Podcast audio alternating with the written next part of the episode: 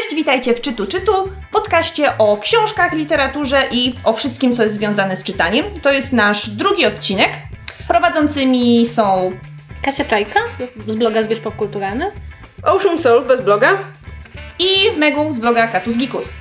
Zaczniemy sobie od naszego standardowego segmentu, czyli dziewczyny, co macie w torebce? Dobrze, akurat w tym tygodniu padło na to, że ja zaczynam. I e, ja tym razem w torebce mam książkę poniekąd naukową, poniekąd historyczną. Jest to książka Dziesiąta Muza, Impresje, autorstwa Andrzeja Własta. Tak naprawdę jest to wybór felietonów filmowych Andrzeja Własta z lat 1923-1924. Podejrzewam, że ileś osób zainteresowanych tą książką jest pięć, autorzy i ja.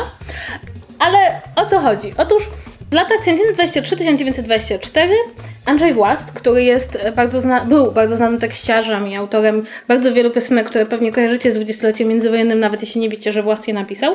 Jakieś tytuły? Coś, żebyśmy sobie zakotwiczyli naszą uwagę? Głównie hity Petersburskiego, Okej. No tango milonga. Okej! No więc w każdym razie Włast pisał przez jeden rok dla czasopisma filmowego Ekran i Scena i pisał felietony o sytuacji kin, głównie w Warszawie, wtedy w Polsce. E, No i tutaj e, już słyszę, jak zaczynacie przysypiać, ale bardzo warto poczytać o ówczesnej kinematografii, zwłaszcza z punktu widzenia osoby, która znała ją nie tylko z punktu wi- jakby od strony widza, ale także od strony osoby, która należała do środowiska, które zajmowało się tworzeniem filmów. Do tego wszystkiego wtedy kina w Warszawie przeżywały bardzo trudny okres. Był problem z, z za wysokim opodatkowaniem e, widowisk filmowych, ponieważ te podatki wynosiły nawet 100% od ceny biletu, czyli jeśli ktoś zapłacił za bilet 4 zł, to 2 zł z tej ceny to był podatek, który trzeba było zapłacić. Wiązało się to z dosyć ciekawą ciekawym podejściem do tego, czym jest film, bo film był po- opodatkowany mniej więcej tak samo jak wyścigi czy cyrk. W związku z tym walka o inne opodatkowanie była także walką o uznanie filmu za sztukę, a nie tylko za rozgrywkę, taką najtańszą rozgrywkę dla mało wymagającego widza. A ja mam w ogóle zupełnie takie osobiste związki i, i z felietonami własna i z samą tematyką, bo jak może już ludzie, którzy cokolwiek o mnie wiedzą, ja się naukowo zajmowałam kinem w Warszawie 20 kinami w Warszawie w dwudziestoleciu międzywojennym, ale także popełniłam książkę na ten temat, e, powieść dwóch panów z branży, w której korzystałam z zebranych przez siebie przez lata felietonów różnych autorów poświęconych kinematografii. W związku z tym, kiedy podeszłam do tej książki, która jest bardzo ładnie wydana, jest bardzo fajna, to rzuciło mi się w oczy, że na pierwszej stronie jest rep- reprint artykułu, z którego korzystałam w takim stopniu w przypisaniu mojej książki, że pierwsza linijka tego felietonu pojawia się słowo w słowo u mnie w książce jako jedna z linijek dialogu, którą wypowiada Jo! nasz bohater. Przyznałaś się właśnie tutaj do przepisywania E, nie, to znaczy, to nie jest przepisywanie, to zdanie brzmi 11 radnych, dosłownie 11 wysłuchało w milczeniu komunikatu magistrackiego o zamknięciu kinematografów. U mnie bohater mówi 11 radnych, dosłownie 11, tam pojawiło się na spotkaniu. No jest to taka rzecz, którą prawdopodobnie tylko ja zobaczę i tylko mnie to... A, autor tych felietonów, gdyby mógł. I autor tych felietonów prawdopodobnie, gdyby mógł. Niemniej, bardzo polecam tą książkę, jest pięknie wydana, jest, wydaje mi się, że jeśli nie jesteście nawet wielkimi wielbicielami kina z tego okresu, to jest to drugie takie wydanie różnych felietonów. Pierwsze to były felietony Słonimskiego. Co ciekawe, też miały dziesiątą muzę w tytule. W ogóle to jest jedyny mój, jedyny mój zarzut do tej książki, ponieważ ta książka ma tytuł Dziesiąta muza impresje. I istnieje książka Iżykowskiego Dziesiąta Muza, która jest taką absolutną podstawową książką filmoznawczą z tego okresu, którą jakby wszyscy kojarzą.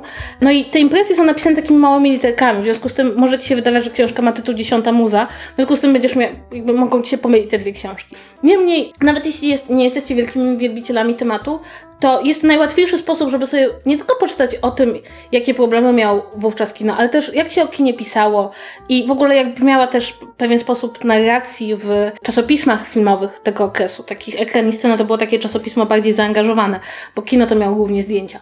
No ale w każdym razie no, dotychczas ja, ja musiałam chodzić do biblioteki. Od, od niedawna te czasopisma są zdigitalizowane, a teraz macie jeszcze świetnie wydaną, śliczną książkę. Ja ją dostałam w księgarni naukowej w Krakowie.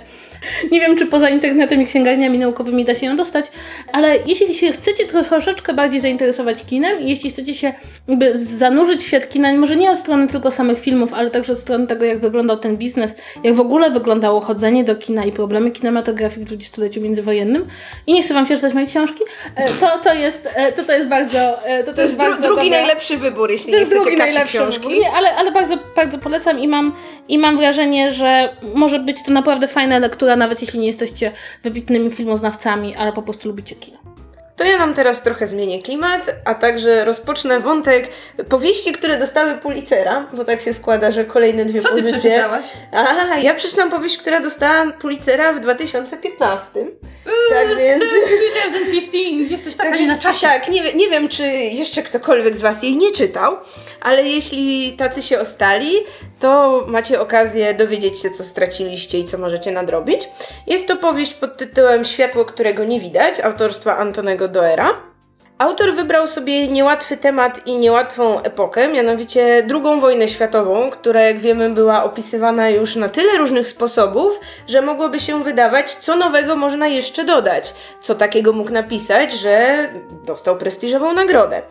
Autor dokonuje tutaj dwóch ciekawych zabiegów. Po pierwsze, narracja skacze w czasie i opowiada nam o wojnie między 40 a 45 rokiem niechronologicznie. A po drugie, jej bohaterami jest dwójka bardzo młodych ludzi z dwóch stron konfliktu. Po pierwsze jest Marie Laure, francuska, która mieszka z ojcem w Paryżu i od szóstego roku życia jest niewidoma. Jej perspektywa jest bardzo ciekawa, ponieważ tutaj autor ma największą szansę wykazać się kunsztem literackim i opisać nam świat widziany oczyma osoby niewidomej. I to jest naprawdę niezwykłe. Narracja jest bardzo taka powolna, poetycka, nieśpieszna. Wiem, że wiele osób mogłoby uważać, że to jest trochę nudne, że może trochę mało się dzieje, ponieważ autor dokładnie musi opisać, w jaki sposób bohaterka radzi sobie z codziennym życiem, w jaki sposób wyprawa po bochenek chleba do piekarni, która znajduje się tuż za rogiem, jest wielkim wyczynem, wielkim przeżyciem. Bohaterka przy tym uwielbia książki, a jak możemy się domyślać, w tamtych czasach zdobycie książki napisanej braillem no nie było łatwe i na pewno było kosztowne, więc bohaterka musi przez rok do kolejnych urodzin czekać na to, aż dostanie kolejną powieść w prezencie, albo wręcz drugą część tej powieści, a że ona uwielbia czytać, uwielbia książki przygodowe, między innymi Werna, no to jakby mo- możemy zrozumieć, że no nie może się doczekać tych, tych kolejnych urodzin, tej, tego kolejnego fragmentu, który będzie mogła poznać. W momencie, kiedy bohaterka ma 12 lat, wybucha wojna i niebawem hitlerowcy wkraczają do Paryża, więc bohaterka wraz z ojcem musi uciekać na wybrzeże. I w tym momencie ten wątek nabiera oczywiście jeszcze tego dramatycznego wymiaru, czyli, czyli wojny, yy, podejrzewania mieszkańców o z jednej strony o kolaborację, z drugiej strony podejrzewania, że może oni tak naprawdę są z jakiegoś ruchu oporu. Bohaterka w pewnym momencie musi radzić sobie zupełnie sama. Jej ojciec nie jest przy niej, by, by jej pomagać, więc perspektywa osoby niewidomej w tak dramatycznych czasach jest czymś świeżym i wartym uwagi. Jednocześnie mamy prowadzony równolegle drugi wątek, gdzie bohaterem z kolei jest młody Niemiec, Werner Pfennig, sierota, który w pewnym momencie swojego życia staje przed dosyć dramatyczną decyzją, mianowicie albo może iść pracować w kopalni, gdzie najpewniej jego życie dosyć szybko się skończy w dramatycznych okolicznościach, albo może udać się do szkoły dla Hitlerjugend, ponieważ on jest dosyć zdolnym konstruktorem radioodbiorników i jego umiejętności byłyby przydatne, więc no mimo, że tam chodzą raczej chłopcy z dobrych domów, to on ma szansę, żeby jakby w takiej szkole się uczyć, szkolić, no i w perspektywie później oczywiście także wyruszyć na front. W książce jest jeszcze jeden dramatyczny wątek związany z tą niemiecką stroną i przyjacielem głównego bohatera, który z kolei nie ma absolutnie żadnych predyspozycji do tego, by być w armii. Jest taki bardzo wrażliwy, taki trochę no, stereotyp poety, artysty i który zrobiłby wszystko, żeby nie uczęszczać do, do szkoły, w której no, panuje okrutna dyscyplina, gdzie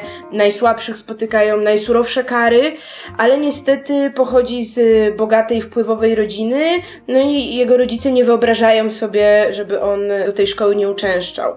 I to jest taki mały, drugoplanowy wątek, ale bardzo poruszający. Tak więc podsumowując, Powieść polecam, szczególnie osobom, które cenią książki nieśpiesznie napisane, skupione na poetyckiej narracji, ale także osobom, które lubią e, tak zwane Bildungsroman, czyli takie powieści o stawaniu się, gdzie mamy tych młodych bohaterów, którzy dopiero dojrzewają, takie jak na przykład Dobywca Pulitzera z jeszcze poprzedniego roku, czyli Szczygieł Donny Tarty. Książki wydaje mi się w pewnym sensie no dość podobne, choć oczywiście Szczygieł był taki bardziej, bardziej kryminalny, bardziej może, można by powiedzieć, rozrywkowy. No światło, którego nie widać, nie jest rozrywkowe, ale szybko i przyjemnie się czyta. Mamy dosyć krótkie rozdziały, tak więc nie zniechęcajcie się, spróbujcie, polecam. I będziecie się mogli chwalić znajomym, że przeczytaliście książkę, która dostała Policera, co jest najważniejsze. Tak, ale jakby z tych książek, które czytałam, które zdobyły Policera, wszystkie wydały mi się dosyć przystępne, więc wydaje mi się, że to jest jedna z tych nagród. To nie jest y, jak Nobel, Nie, nie co? tak, nie, to nie jest Nobel, to nie jest na jakimś takim wielkim piedestale, to są książki takie, które normalnie da się czytać, a jednocześnie są to książki zawsze dobrze napisane i wartościowe. Dobrze, Megu, a ty? Co No to czytałaś? jeżeli tak stawiamy sprawę, że książki, które dostały Pulitzera są y, przystępne nawet dla tych, którzy nie lubią takiej, takiej bardzo, bardzo skomplikowanej literatury, jak Noble na przykład, no to ja też mam książkę, która dostała Pulitzera. Dostała go w tym roku. To jest książka Kolej Podziemna, autorstwa Colsona Whiteheada. To jest bardzo głośna książka, o której ja już słyszę od wielu miesięcy i rzuca mi się w oczy w co drugiej księgarni. A to też dlatego, że ona opowiada o bardzo trudnym problemie i można powiedzieć, że jest troszeczkę kontrowersyjna. A to dlatego, że Kolej Podziemna opowiada o epoce niewolnictwa w USA i skupia się na tym wątku tej takiej nieoficjalnej sieci pomocy, y, którą ludzie nieśli niewolnikom, bo kolej podziemna to, to byli ludzie, którzy pomagali niewolnikom uciec na północ albo do Kanady. Główną bohaterką tej książki jest y, niewolnica Cora, która wychowuje się i pracuje na farmie w Georgii. Farmie, którą zarządzają totalni despoci, którzy mordują swoich niewolników dla zabawy. Wystarczy małe przewinienie, żeby dostać baty. Także już od samego początku autor piętnuje ten pierwotny grzech Ameryki, jakim było niewolnictwo i śmierć dziesiątek tysięcy ludzi, którzy zginęli na, na plantacjach bawełny. Cora postanawia uciec. Namawia ją do tego jeden z mężczyzn, którzy razem z nią przebywają na tej plantacji, Caesar, i uciekają razem i przemierzają poszczególne stany Ameryki, obserwując jak tam wygląda rasizm, jak tam wygląda problem niewolnictwa, i w każdym z tych stanów, do którego trafiają, jest to Karolina Północna, Południowa, Tennessee, nie, niewolnictwo jest y, przedstawione troszeczkę inaczej. Wydawałoby się, że jest to powieść historyczna, przy czym autor w pewnym momencie zaczyna przekraczać granice takiego magicznego realizmu, ponieważ mamy tą kolej podziemną. Kolej podziemna jako nazwa to było zawsze taka, to był taki um, umowny termin, posługujący się rzeczywiście terminologią kolejową. Ludzie, którzy pracowali w, tym, w tej sieci pomocowej, używali te, tej, ter, tej terminologii, żeby nie zostali odkryci. A tutaj w tej książce Whitehead robi z tego prawdziwą kolej. To znaczy są takie punkty, w, której, w których niewolnicy mogą zejść pod ziemię i tam jest tunel wybudowany przez nie wiadomo kogo, nie wiadomo kto położył tory. Oni mogą wejść tam na stacji do kolei i, i przenieść się do następnego stanu. Oczywiście przez cały czas są ścigani przez łowców niewolników i tutaj jest e, bardzo mocno zarysowana postać jednego e, łowcy niewolników, który jest takim postrachem w całej Ameryce dla wszystkich ludzi, którzy próbują uciec z plantacji i właśnie goni też Korę przez całą książkę. To jest bardzo mocna książka opowiadająca o przeraźliwych rzeczach, które się działy w tamtym okresie. Obrazy są bardzo dosadne, opisy mordów, tego co robiło, robiono wtedy z niewolnikami, e, bardzo graficzne i brutalne.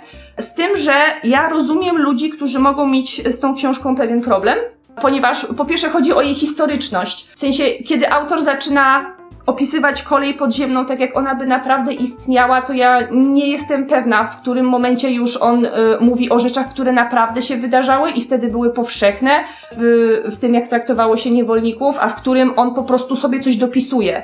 Ponieważ autor sam też jest czarnoskóry, Widać jego ogromny gniew na to, jak wtedy wyglądało, e, jak wyglądało to państwo i jak zrodziło się z krwi wszystkich niewolników, więc on, tam się obrywa wszystkim. Obrywa się tym, którzy pracowali dla tej kolei podziemnej, obrywa się plantatorom, wiadomo, ob, obrywa się też lu- ludziom, którzy próbowali tym niewolnikom pomóc, bo zawsze jakoś ko- y, Whiteheadowi uda, udaje się im wbić szpilę mimo wszystko. A przy tym innym zarzutem, który, który ludzie mają do tej książki jest to, że ta narracja jest taka strasznie oderwana od tej głównej bohaterki, bo ona niby przeżywa te wszystkie straszne rzeczy, ale ma się wrażenie, że narrator unosi się tak jakby nad nią, opisuje to wszystko z takiej z, z dużego dystansu i tylko czasami się zniża do tego, żeby przybliżyć czytelnikowi konkretne sceny i konkretne wydarzenia. A kiedy tego nie robi, brzmi to tak jakby była to taka kronika historyczna, która opisuje ogólny obraz społeczeństwa, więc miałam z tym pe- pewien problem, ale przy, przy tym y, książka jest napisana dosyć prostym językiem i czyta się ją niesamowicie szybko, co jak na książkę poruszającą tak poważny problem jest dla mnie trochę dziwne.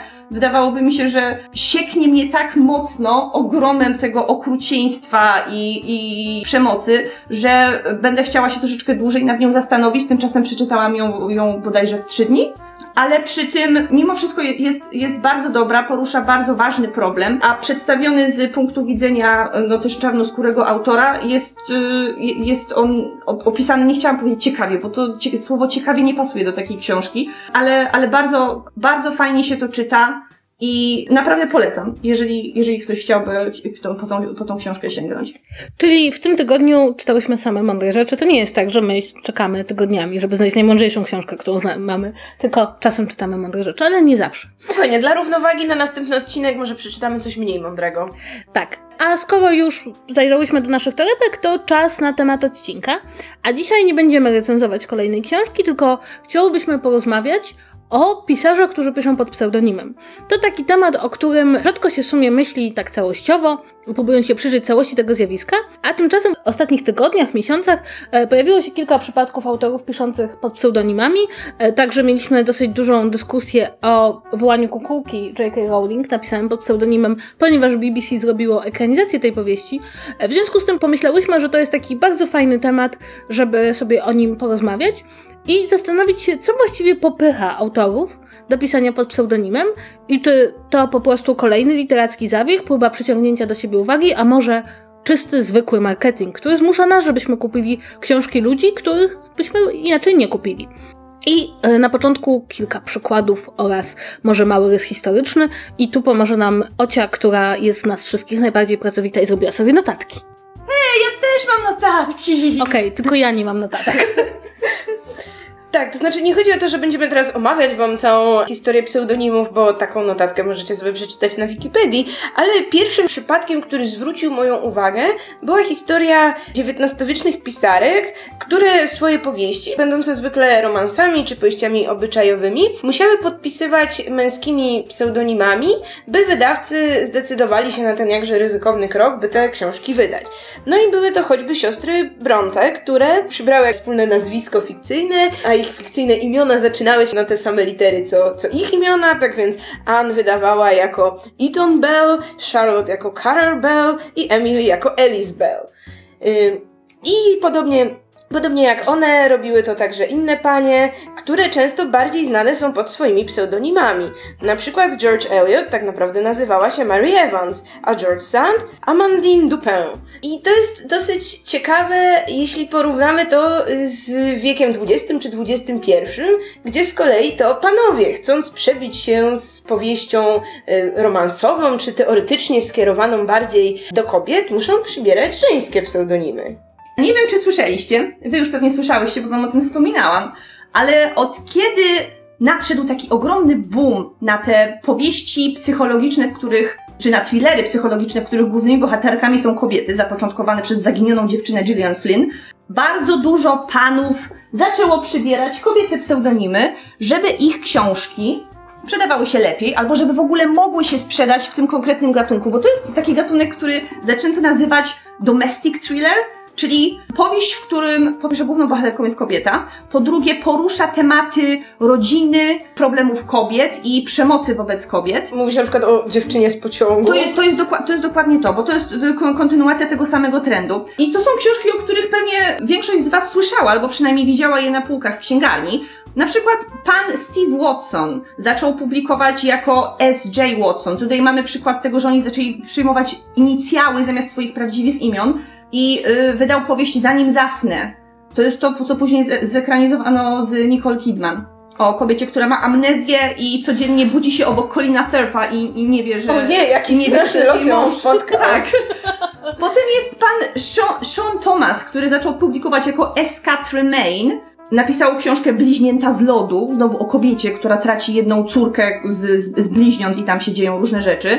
Jest też Todd Ritter, który napisał, jako Riley Sager, napisał Ocalałe, Final Girls. To jest To jest kontynuacja... coś o dziewczynach z horrorów? To jest o dziewczynach, które, przynajmniej główna bohaterka przeżywa właśnie masakrę z, z rąk jakiegoś tam seryjnego mordercy. Znowu to, i to jest ko- kolejny trend, w którym zawsze w tytule musi się pojawić dziewczyna. Nie kobieta, tylko dziewczyna, bo teraz w książkach są nawet dla dorosłych kobiet bohaterki to są opisywane głównie jako dziewczyny w tytułach. No i przykład najnowszy to jest Tony Strong, który jako J.P. Delany napisał lokatorkę. Po Warszawie były rozwieszone wszędzie plakaty tej książki. Znowu jakiś, znowu jakiś thriller o kobiecie, która tam się nie może odnaleźć w życiu. I, i, ty, I teraz pojawia się pytanie, bo oni to robią dlatego, że w pewnym momencie kobietom w pewien sposób udało się przejąć ten gatunek thrillera i kobiety zaczęły pisać, y, zaczęły pisać i czytać o, o, o przemocy, która jest również wyrządzana kobietom, podczas gdy wcześniej głównie panowie pisali thrill- thrillery. Akcyjniaki, sensacyjne i tak dalej. A teraz faceci przyjmują, y, przy, przyjmują kobiece pseudonimy, bo wiedzą, że kobiety wolą pisać książki, które napisały kobiety, bo to jest mniej Czytać. więcej tak, czy, czytać książki, które napisały kobiety, bo mniej więcej 80% telniczek, jakieś debiutantki w tym gatunku to są kobiety właśnie. Więc to jest kwestia do przedyskutowania, czy to jest okej. Bo ja na przykład, kiedy o tym pierwszy raz przeczytałam, to miałam takie Znaczy, mi się cringe. Mi się to tak trochę nie podobało. Czy- Wzięło mnie pod włos. Mi się wydaje, że tutaj e, należy powiedzieć o dwóch rzeczach. Po pierwsze, to jest taka straszny sposób myślenia, który mówi, że pewien rodzaj literatury pewna tematyka jest przypisana do płci, prawda? To Tak. znaczy, i w związku z tym, powiedzmy, je, zawsze, od zawsze istnieli mężczyźni, którzy na przykład pisali romanse, powiedzmy, dorabiając sobie, piszą swoją wielką powieść i oni przyjmowali pseudonimy kobiece, dlatego, że mężczyzna nie powinien pisać romansów. Teraz, kiedy mamy z kolei ten gatunek, który zapoczątkowały kobiety i ustaliliśmy, postawiliśmy na nim stempelek, to jest literatura przeznaczona dla kobiet, no to y, powinny ją pisać kobiety, ponieważ istnieje straszliwy schemat, że książki dla kobiet piszą kobiety, a mężczyźni piszą książki dla wszystkich. No oczywiście, bo jaki pisarz potrafiłby napisać książkę dla kogoś innej płci niż on sam? Tak, No, ale ale, jeszcze jest- jednocześnie wydaje mi się, że rzecz, która tutaj jest bardzo ważna i wydaje mi się najbardziej kontrowersyjna, to to, że te książki zawierają element przemocy wobec kobiet. Albo symbolicznej, albo prawdziwej przemocy wobec kobiet. I kiedy kobieta opisuje przemoc, która spotyka kobiety, to możemy tą taką dosłowną, czyli że przemoc, no taką W domu na domu? przykład, fizyczną. fizyczną, czy też taką po prostu przemoc, jaką narzuca na nas kultura, no to możemy założyć, że w pewien sposób opisuje to, nawet jeśli nie doświadczywszy na własnym ciele przemocy, to świadoma tego, co to znaczy być kobietą w społeczeństwie i żyjąca z tym. Natomiast kiedy mężczyzna zaczyna o tym pisać, to gdyby pisał to jako mężczyzna, to prawdopodobnie spotkałby się z zarzutem, że nie rozumie o co chodzi i nie umie tego dobrze opisać, ale z kolei podszywając się pod kobietę robi jeszcze gorszą rzecz, przynajmniej w mojej, w mojej opinii, to znaczy przyjmuje narrację o pewnych rzeczach, które wiążą się z dosyć jednak mimo wszystko wyjątkowym doświadczeniem kobiet. I tutaj wydaje mi się, że w tym akurat przypadku zahaczamy o rzecz bardzo trudną i niejednoznaczną. To znaczy, do jakiego stopnia autor jest w stanie napisać o czymś, co go bezpośrednio nie dotyczy. Bo z jednej strony znamy doskonałych autorów, którzy pisali postacie nie ich płci, które są w innej sytuacji. No nie wiem, no nikt nie zarzuci Tolstojowi, że nie, jest, nie był kobietą, w związku z tym nie mógłby napisać Anny Kareniny i zrozumieć dylematów kobiety. Ale z drugiej strony zdajemy sobie sprawę, że są w naszej kulturze pewne rzeczy, które są tak jednoznacznie związane z przeżyciami określonych jednostek i czy określonych przedstawicieli grup, że na pewno każdy inny może o tym napisać, ale oni na tym napiszą w sposób specyficzny i właściwy e, dla danej grupy. Przy czym to jest jednak szara strefa, prawda? Żeby nie było tak, że o postaciach czarnoskórych może pisać tylko autor czarnoskóry, o kobietach mogą pisać tylko kobiety, o przemocy wobec kobiet mogą pisać tylko kobiety. Aczkolwiek, jak powiedziałaś o właśnie o mniejszości czarnoskórej, ale chyba nikt z nas nie wyobraża sobie sytuacji, kiedy dajmy na to książkę poruszającą tematykę właśnie, pro, nie wiem, o problemach właśnie osób czarnoskórych, czy to dziś, czy to w przeszłości, pisze przypuśćmy biały autor, autorka, a na okładce książki na skrzydełku mamy zdjęcie jakiegoś czarnoskórego modela, modelki i udajemy, że proszę bardzo, nasz autor wpisuje się w mniejszość, o której pisze.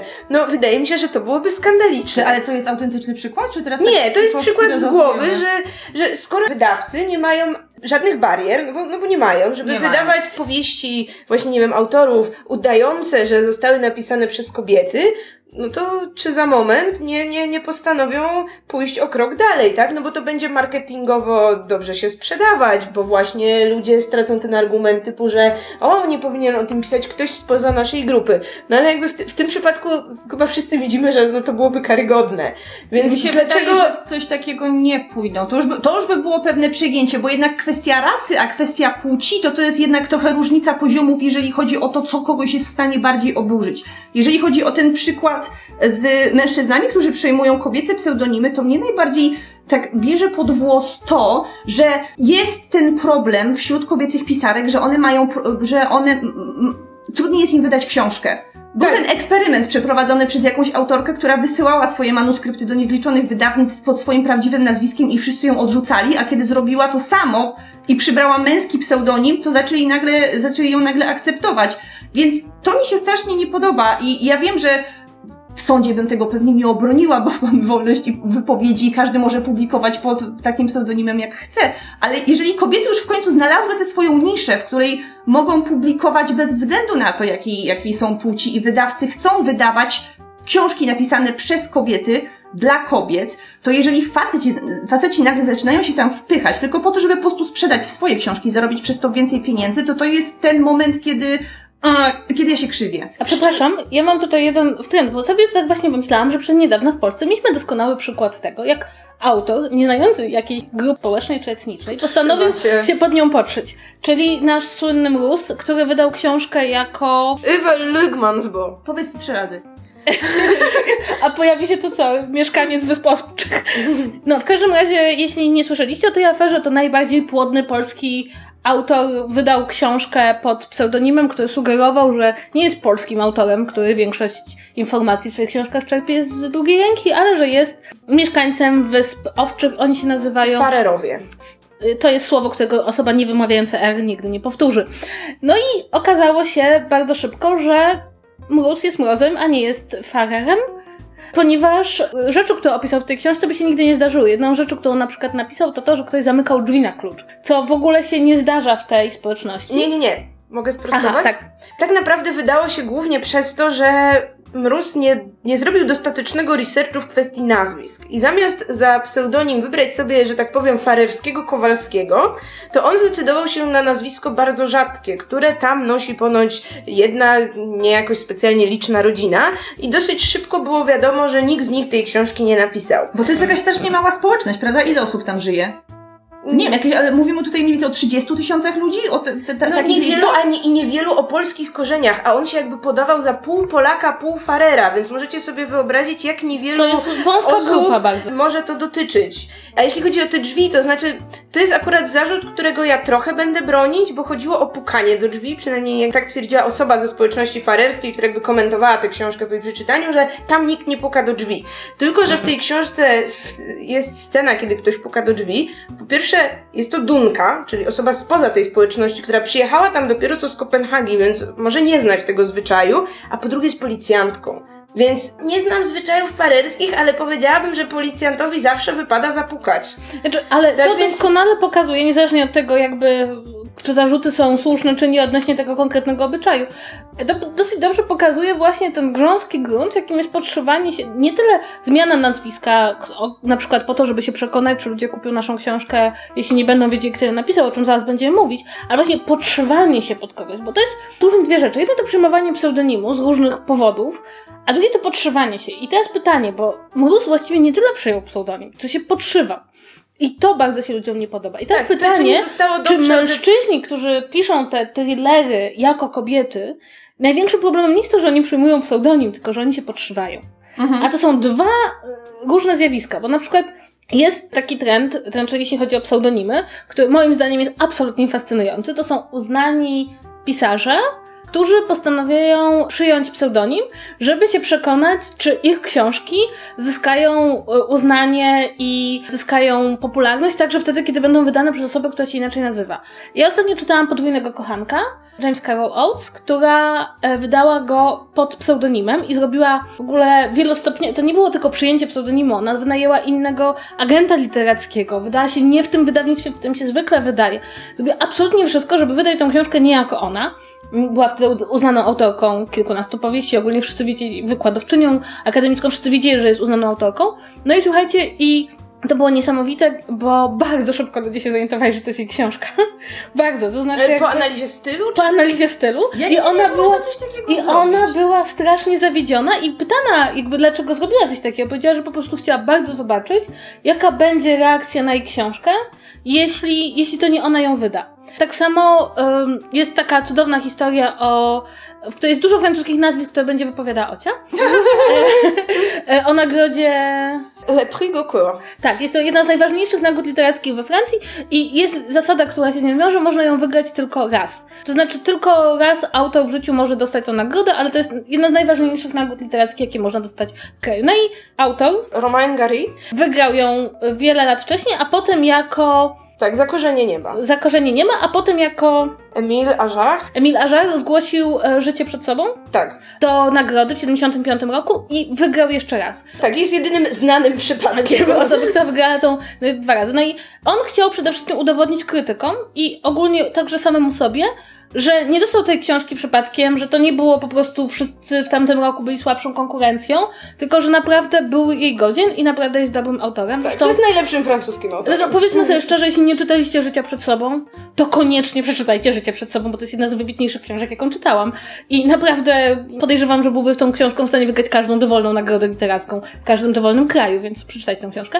Ale to jest dosyć ciekawy przykład, bo y, z jednej strony oczywiście jest to takie moralnie wątpliwe, bo można tę nagrodę wygrać tylko raz, a on ją wygrał dwa razy, a z drugiej strony ja jestem trochę w stanie zrozumieć autora, że próbuje pokazać, że to nie było jego nazwisko, to nie była jego chwała, to nie był marketing, to jakby nie byli krytycy, którzy go kochają, tylko że on naprawdę jest tak dobrym autorem, że nawet nie będąc pod swoim nazwiskiem, bez całej tej otoczki, będąc autorem nieznanym, byłby w stanie napisać, jakby ta powieść obroniłaby się sama. To znaczy, to jest taka próba wyjęcia powieści z tego całej otoczki wiązanej z autorem i, i, i taka powieść surowa, że prawda, no bo jak sięgamy po książkę jakiegoś autora, nawet gorszą, ale lubimy autora na przykład, albo jest to autor uznany, no to patrzymy na nią inaczej, prawda?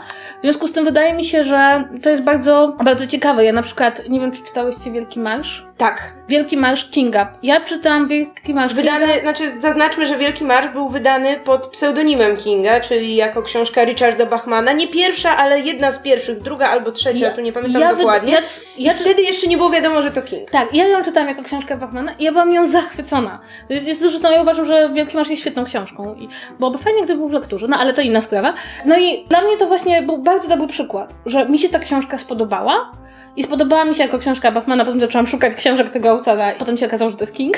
Ale właśnie, gdybym ją czytała jako książkę Kinga, spodziewałabym się czegoś na początku, miałabym jakieś oczekiwania względem stylu, miałabym oczekiwania względem bohaterów, spodziewałabym się jakiegoś konkretnego zakończenia, jakiegoś konkretnego gatunku. Tutaj jakby udało mu się sprzedać mi książkę, którą czytałam nie jako książkę Kinga. I rozumiem, że autorzy, którzy mają znane nazwisko, czy są kojarzeni bardzo mocno z jakimś gatunkiem, czy z jakąś pozycją, chcą w ten sposób jakby się od siebie samych odseparować. Z czego to wynika, że niektórych pisarzy rozpoznają, jak tą autorkę tego podwójnego kochanka, że wszyscy się poznali od razu, że ona, że to jest ona, tylko pisze pod pse- pseudonimem, a przy Kingu i przy tym y, francuskim gościu, którego imię nawet nie będę próbowała wymówić, nikt Aha. się nie No właśnie to jest kwestia stylu. Znaczy przy Kingu po pierwsze też w jakimś momencie pewien bibliotekarz ze Stanów Zjednoczonych zaczął znajdywać podobieństwa między właśnie stylem Bachmana a stylem Kinga i zaczął drążyć ten temat. Podobnie było na przykład w przypadku już wspomnianego Mroza, czy w przypadku właśnie książek Rowling wy- wydawanych pod pseudonimem, że w pewnym momencie komuś coś zabłyśnie. I, i jeśli autor nie jest wybitny, tak? Nie jest literatem takiego kalibru, że jest w stanie wygrać właśnie nagrodę i przemknąć się pod okiem prestiżowego jury, to moim zdaniem to jest bez sensu. To znaczy, ja tu nie chcę nikomu odmawiać prawa do publikowania, czego chce pod jakim nazwiskiem, ale moim zdaniem, jeśli ktoś nie ma tak dystynktywnego stylu, by być w stanie inaczej pisać swoje książki wydawane pod jednym, a inaczej te wydawane pod drugim nazwiskiem, to to jest bez sensu i nie powinien tak robić. Dajmy na to właśnie wspomniany Mróz. On wszystkie książki pisze tak samo. I tak naprawdę, jasne, jeśli ktoś, nie wiem, nie czytał jego wcześniejszych książek, no czy po prostu złapał się na tę stylistykę, bo oczywiście wydawnictwa wydawały te jego książki farerskie w tej stylistyce kryminału skandynawskiego, czyli w serii, gdzie wychodziły inne książki innych autorów, którzy naprawdę byli stamtąd z odpowiednimi jakby okładkami i tak dalej, no to jakby wiadomo, nie, nie, nie można winić czytelników, że się nie domyślili, ale jeśli się weźmie jego jedną książkę napisaną pod nazwiskiem i drugą napisaną pod pseudonimem i się spojrzy choćby na zapis dialogowy, na to jak on bardzo często wycina didaskalia, jak on prawie nie używa przyimków, to bardzo szybko można dojść do tego, że to jest on.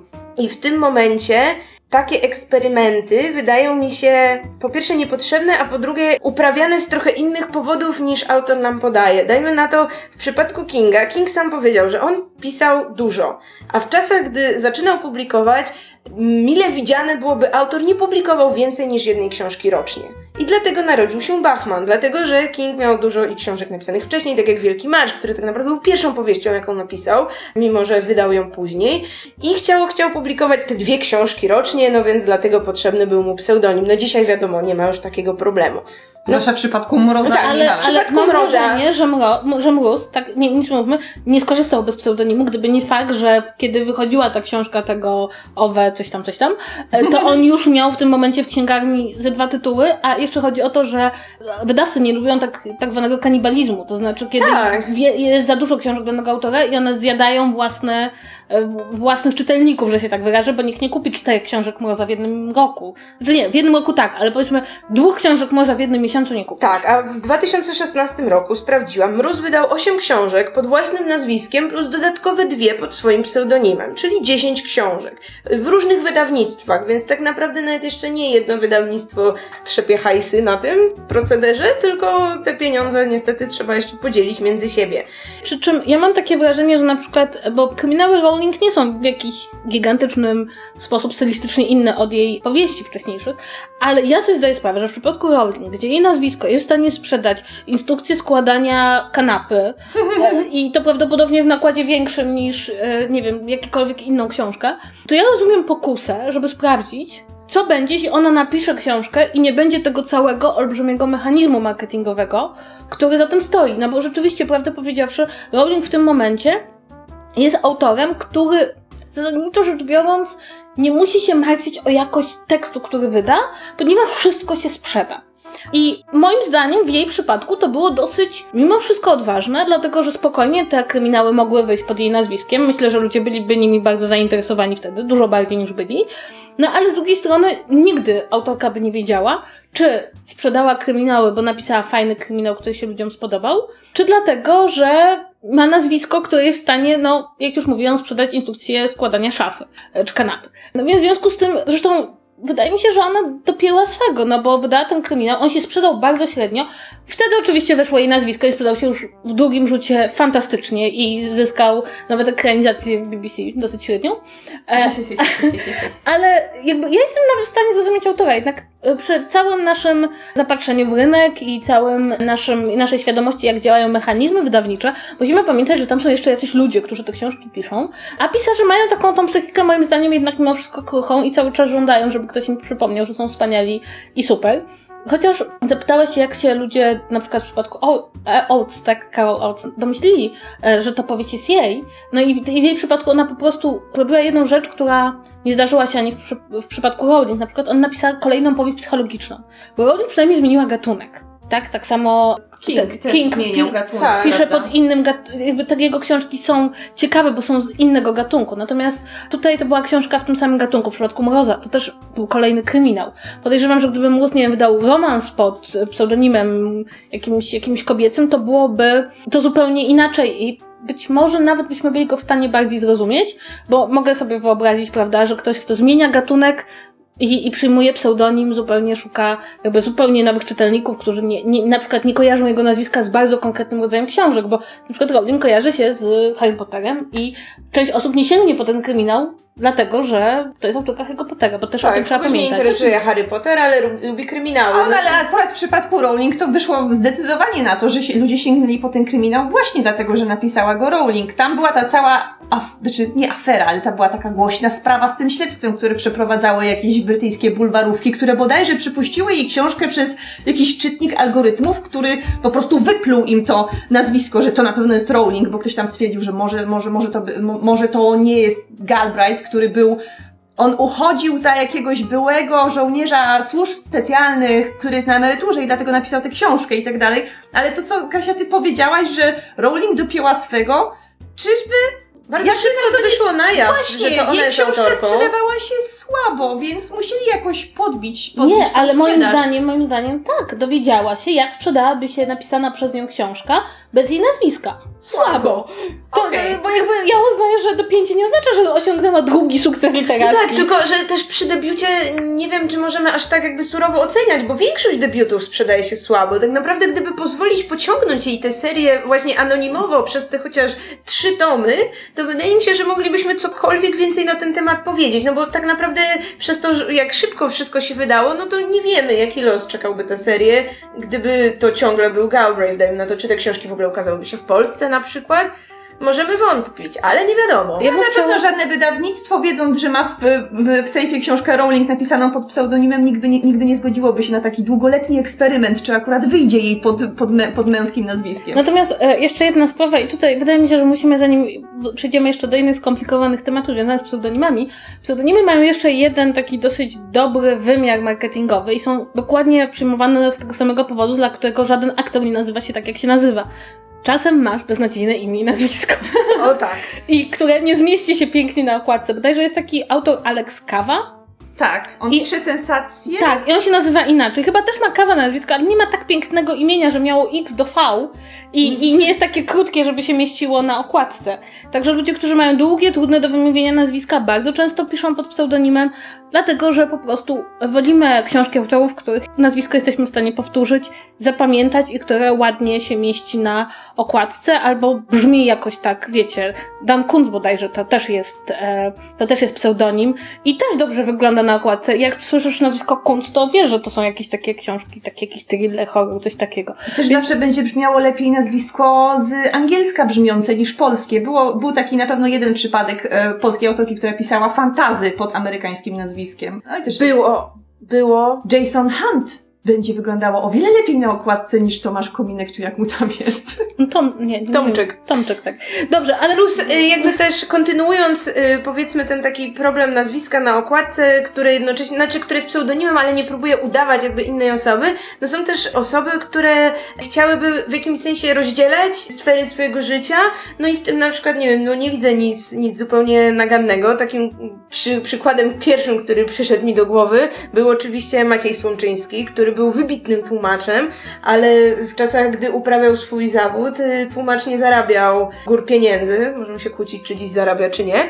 Tak więc, żeby mieć za co żyć i nie troszczyć się o finanse i móc tam w spokoju dłubać i cyzelować swojego Szekspira, zaczął publikować kryminały pod pseudonimem Joe Alex. Joe Alex! Kryminały tak naprawdę, no, takie poprawne, no, takie średniego sortu, ale hej, sprzedawały się dobrze, więc y, nie chciał jakby czytelnikom, powiedzmy tym ambitnym, którzy cenili go jako tłumacza, od razu wyskakiwać ze swoim nazwiskiem na okładkach, no, takich średnio wartościowych książek, ale równocześnie zapewniał sobie byt, realizował się w jakiś sposób, więc hej, czemu nie?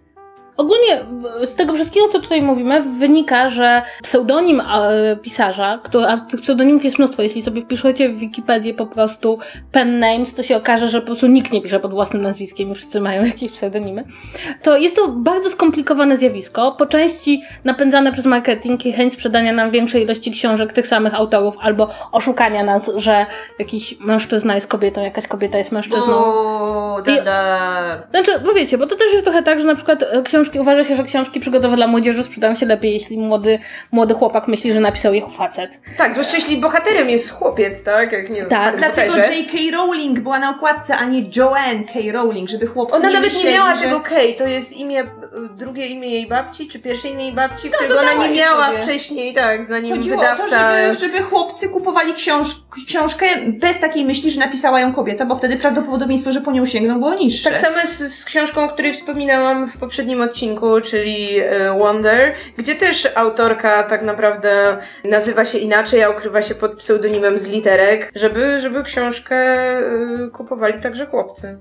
No właśnie, więc są zarówno te marketingowe powody, są powody osobiste. Nasi pisarze mają takie wrażliwe ego i chcą sprawdzić, czy wszyscy ich nadal kochają. E, A są powody jeszcze zupełnie prozaiczne, czy jest nazwisko nim jest na tyle długie albo na tyle trudne do wymówienia, że nie zniesie... na- autorów, którzy wolą podpisywać się jednym nazwiskiem, jak James Corey, czyli autor cyklu The Expanse, No właśnie. gdzie tworzy go dwóch autorów o dość długich nazwiskach, więc po co zawalać tym okładkę? Wymyślmy sobie wspólny pseudonim. A, to o tym nawet nie wiedziałam. Ale to nie jest pierwszy przypadek. Jest taki słynny cykl kryminałów, autora, którego nazwiska nie pamiętam, kto też pisze dwóch osób, dwie, dwie osoby. No, e, czasem też chodzi o to, żebyśmy nie dostali pięciu książek jednego autora w tym samym roku. Wiem, że jest to bardzo skomplikowane i też bardzo Wam polecamy, że jeśli na przykład zobaczycie czyjąś książkę i sprawdzicie, czy była pisana pod pseudonimem, to prześledzić tą sprawę, bo może się okazać, że pod takim skromną rzeczą jak pisanie pod pseudonimem kryje się mnóstwo różnych zagadnień związanych z tym, jak postrzegamy autorów książki, jak postrzegamy ich związek z napisanym materiałem, jak nawet płeć autora potrafi zdeterminować to, czy książka nam się spodoba, czy uznamy ją za naciąganą, e, czy powiedzmy napisaną przez kogoś, kto na pewno nie wie, e, jak wyglądają realia danej epoki życia czy mniejszości. I to będzie chyba na tyle, jeśli chodzi o nasze dylematy związane z pisarzami piszącymi pod pseudonimem. I jednocześnie będzie to też koniec tego tygodniowego odcinka. Dziękujemy Wam bardzo za uwagę. Mamy nadzieję, że wrócicie do nas w przyszłym tygodniu. Tak, koniecznie dawajcie nam znać, jak, jak się w ogóle podoba Wam taka formuła, którą przyjęłyśmy, czyli krótkie wspominanie o książce, którą każda z nas czytała i potem jakiś dłuższy temat, czy to książka, czy jakieś inne zagadnienie. Zostawiajcie nam komentarze pod nagraniem na YouTubie i na naszym fanpage'u, albo na fanpage'u Podsłuchane i piszcie do nas maile na czytu czytu małpa podsłuchane.pl. I do usłyszenia w przyszłym tygodniu.